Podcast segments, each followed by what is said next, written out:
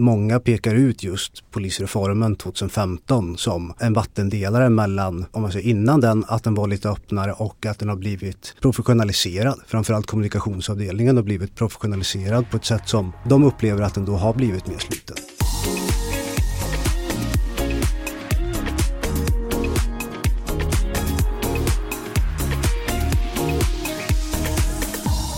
Julia, vad har du för relation till polisen? Det är ju en lite spännande fråga. Alltså, de hällde ut min alkohol i parken när jag var tonåring flera gånger. Det är väl typ den relationen jag har till, till polisen. Men en grej då som har varit svår att undgå också är ju vissa poliser har byggt väldigt stora kanaler i sociala medier. Som till exempel då YB Södermalm på Twitter eller TikTok-polisen Patrik Videll och Eh, hur det då påverkar polisens varumärke det är ju något som man kan fundera kring.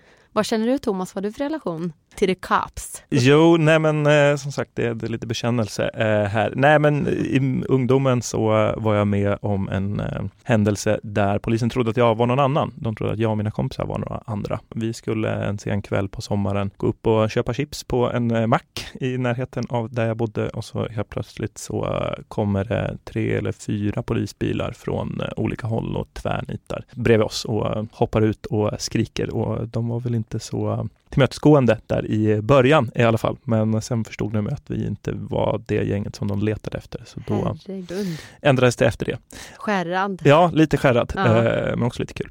Nej, men i vuxen ålder så är väl min huvudsakliga relation till polisen att man lär sig så otroligt mycket i medierna eh, kring det. Alltså lag och ordning är en av de hetaste politiska frågorna och jag vet att på ja, kvällstidningarna så är det blåljusnyheter. Det är, folk älskar att eh, läsa eh, om det. Det känns mm. som att varannan push som man får från Aftonbladet eller Expressen handlar om just krim. Verkligen. Och den här veckan har ju vi då publicerat en rejäl granskning på Resumé Insikt som vår kollega Joakim Vedholm har skrivit. Jocke brukar vi kalla honom. Den handlar om hur polisen arbetar hårt med att vårda sitt varumärke och de siffertrixar, skönmålar och använder sekretess som strategi som man då kan läsa på Resumé nu. Och vi tänkte ta det här ämnet lite vidare och prata med Jocke lite senare här idag i podden.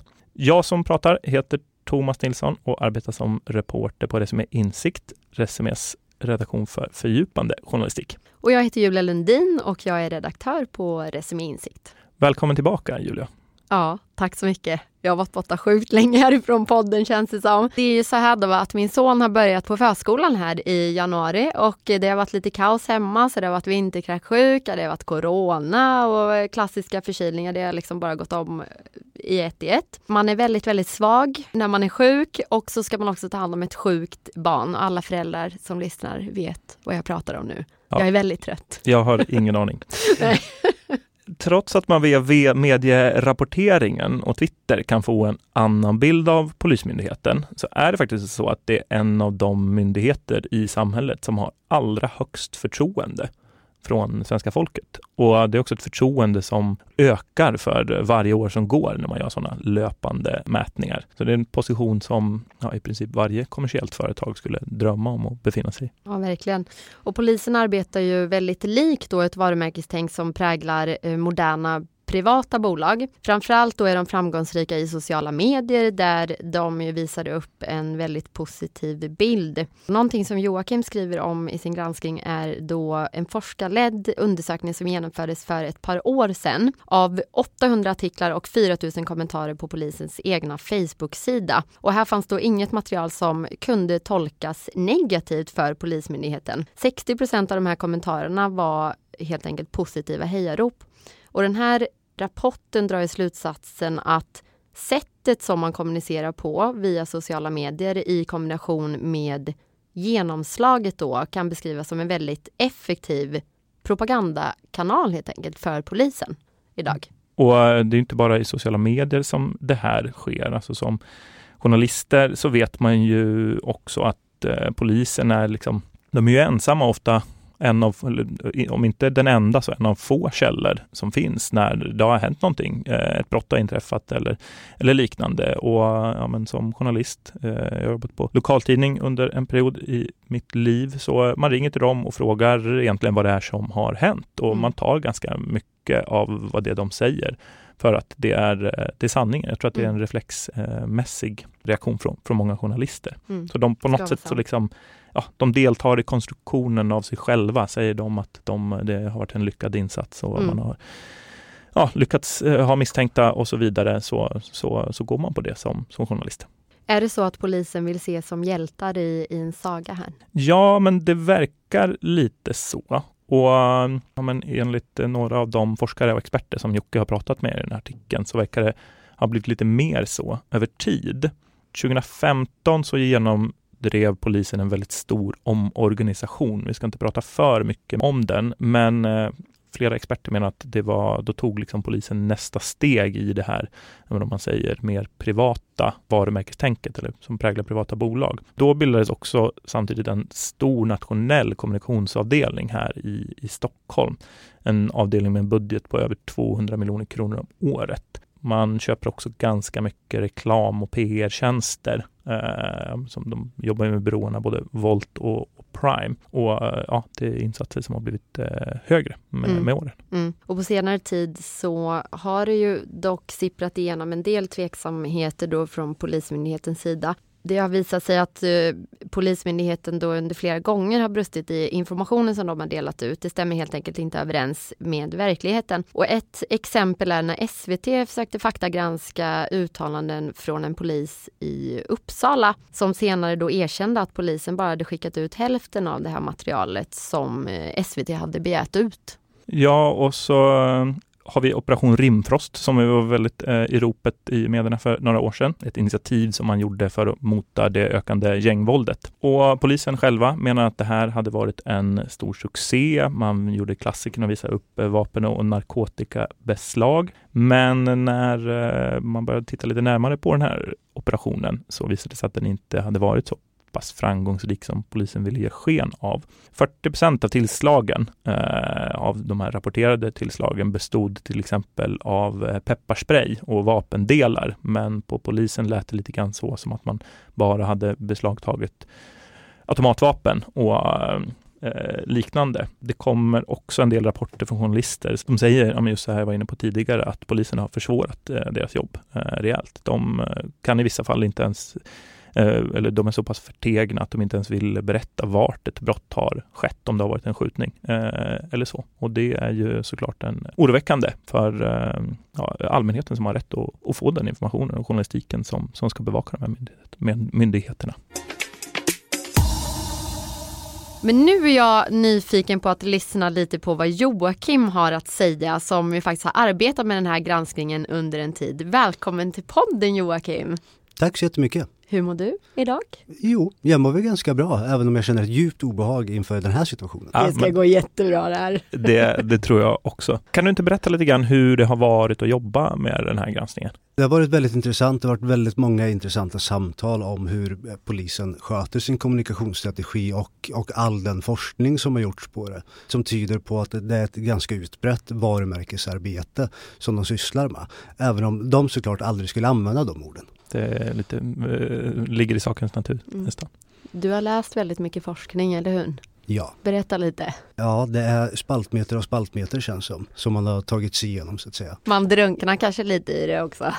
det gör man och, och tidvis förlorar om man säger, perspektiven och borrar ner sig och ja, fördjupar sig. Så mm. det, det, är väldigt intressant. Det är lätt att sitta även efter arbetstid och läsa och läsa och läsa. Mm. Vad var det svåraste med den här granskningen skulle du säga? Det svåraste skulle nog jag säga var att i om man säger, som, som många ger, ger sken av, om man säger, som jag har pratat med, att polisen är en väldigt sluten organisation. Att man gärna inte pratar med media Du har pratat med ganska många som, ja, dels kanske inom polisen som, men som fokuserar på de här kommunikationsområdena. Så det finns ju den här forskaren Stefan Holgersson till exempel som har gjort väldigt mycket på det här området. Men det har varit lite svårt att få prata med poliser eh, själva, eh, om jag har förstått det rätt. Ja, det, det, har varit väldigt tufft att få dem själva att prata och jag skulle gärna ha pratat med många, många fler av dem. Men som i, i alla organisationer så, så Vi är specialister på det vi gör, precis som du. Därför försäkrar vi på Swedea bara småföretag, som ditt. För oss är små företag alltid större än stora och vår företagsförsäkring anpassar sig helt efter firmans förutsättningar. Gå in på swedea.se företag och jämför själv.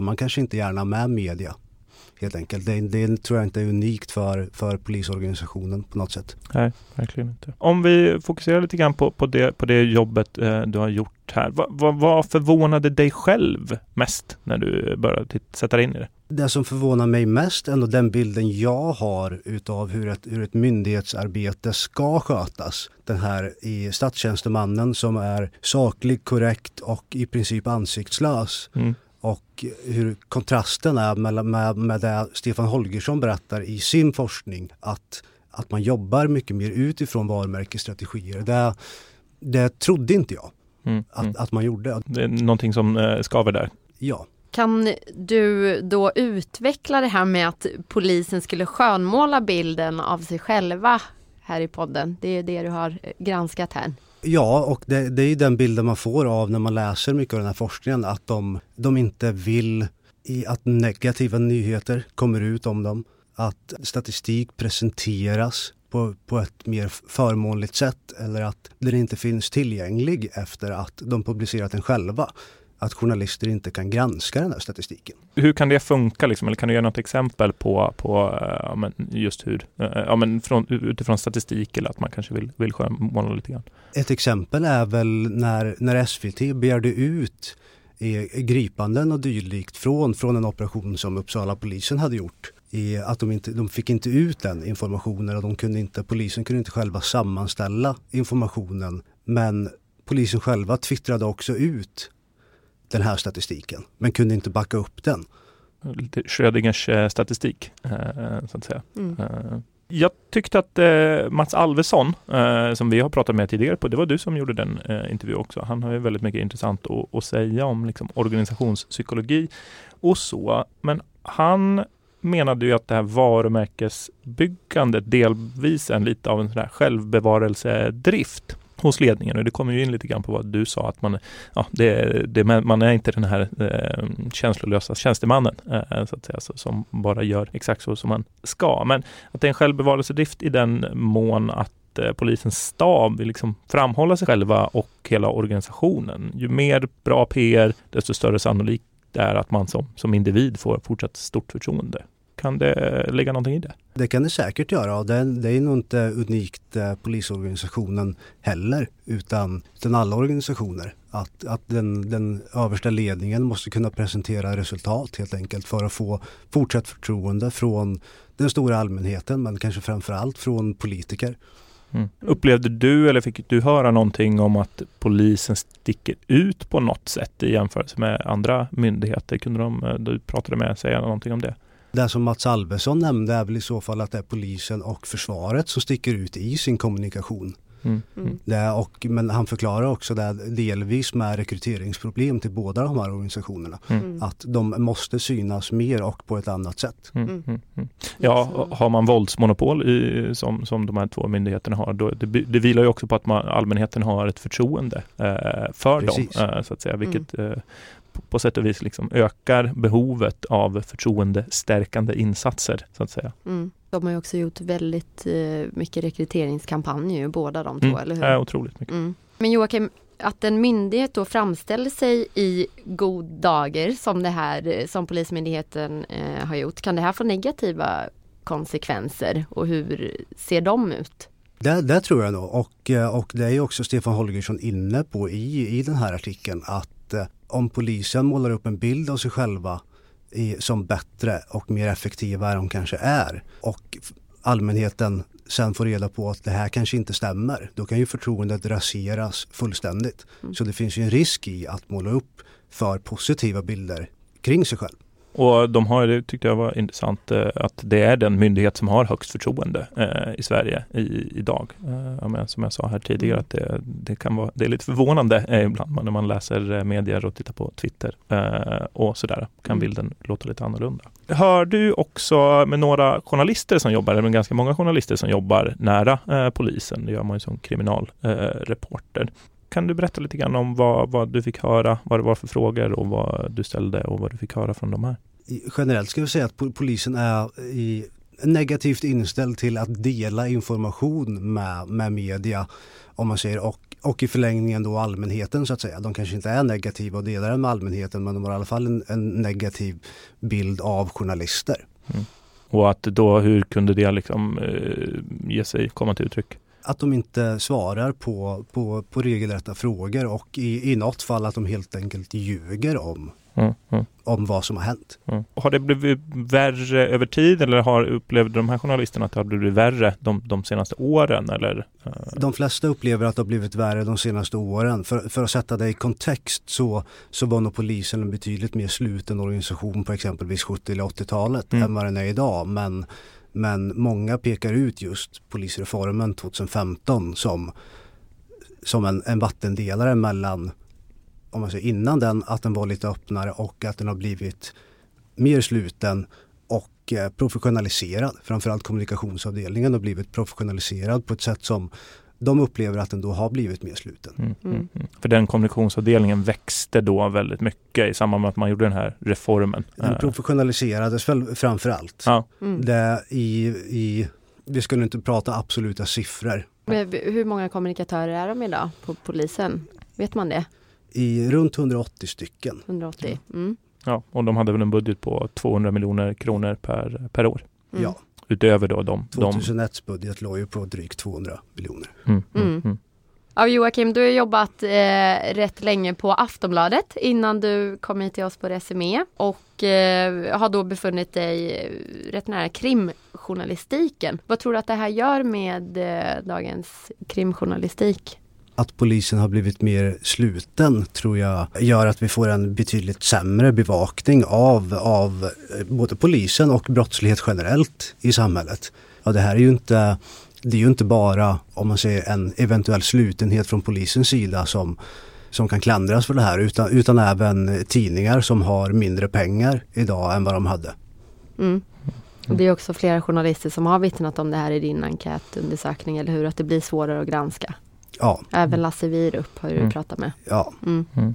Med profilerad krimjournalist ja. på. Tidigare yes. DN och snart på Dagens Industri. Vad säger polisen själva om det här? Du har ju pratat med deras eh, presschef. Va? I att de inte i, på något sätt förskönar sin egen organisation eller hur de presenterar information. Att, att det är en statstjänstemannaroll som gäller så att säga. Det ska vara sakligt och det ska vara korrekt. Vad säger de om de här exemplen då? Om man tar det här till exempel med Uppsala polisen. Rent generellt säger han att han inte han känner inte igen den bilden inifrån sin egen myndighet.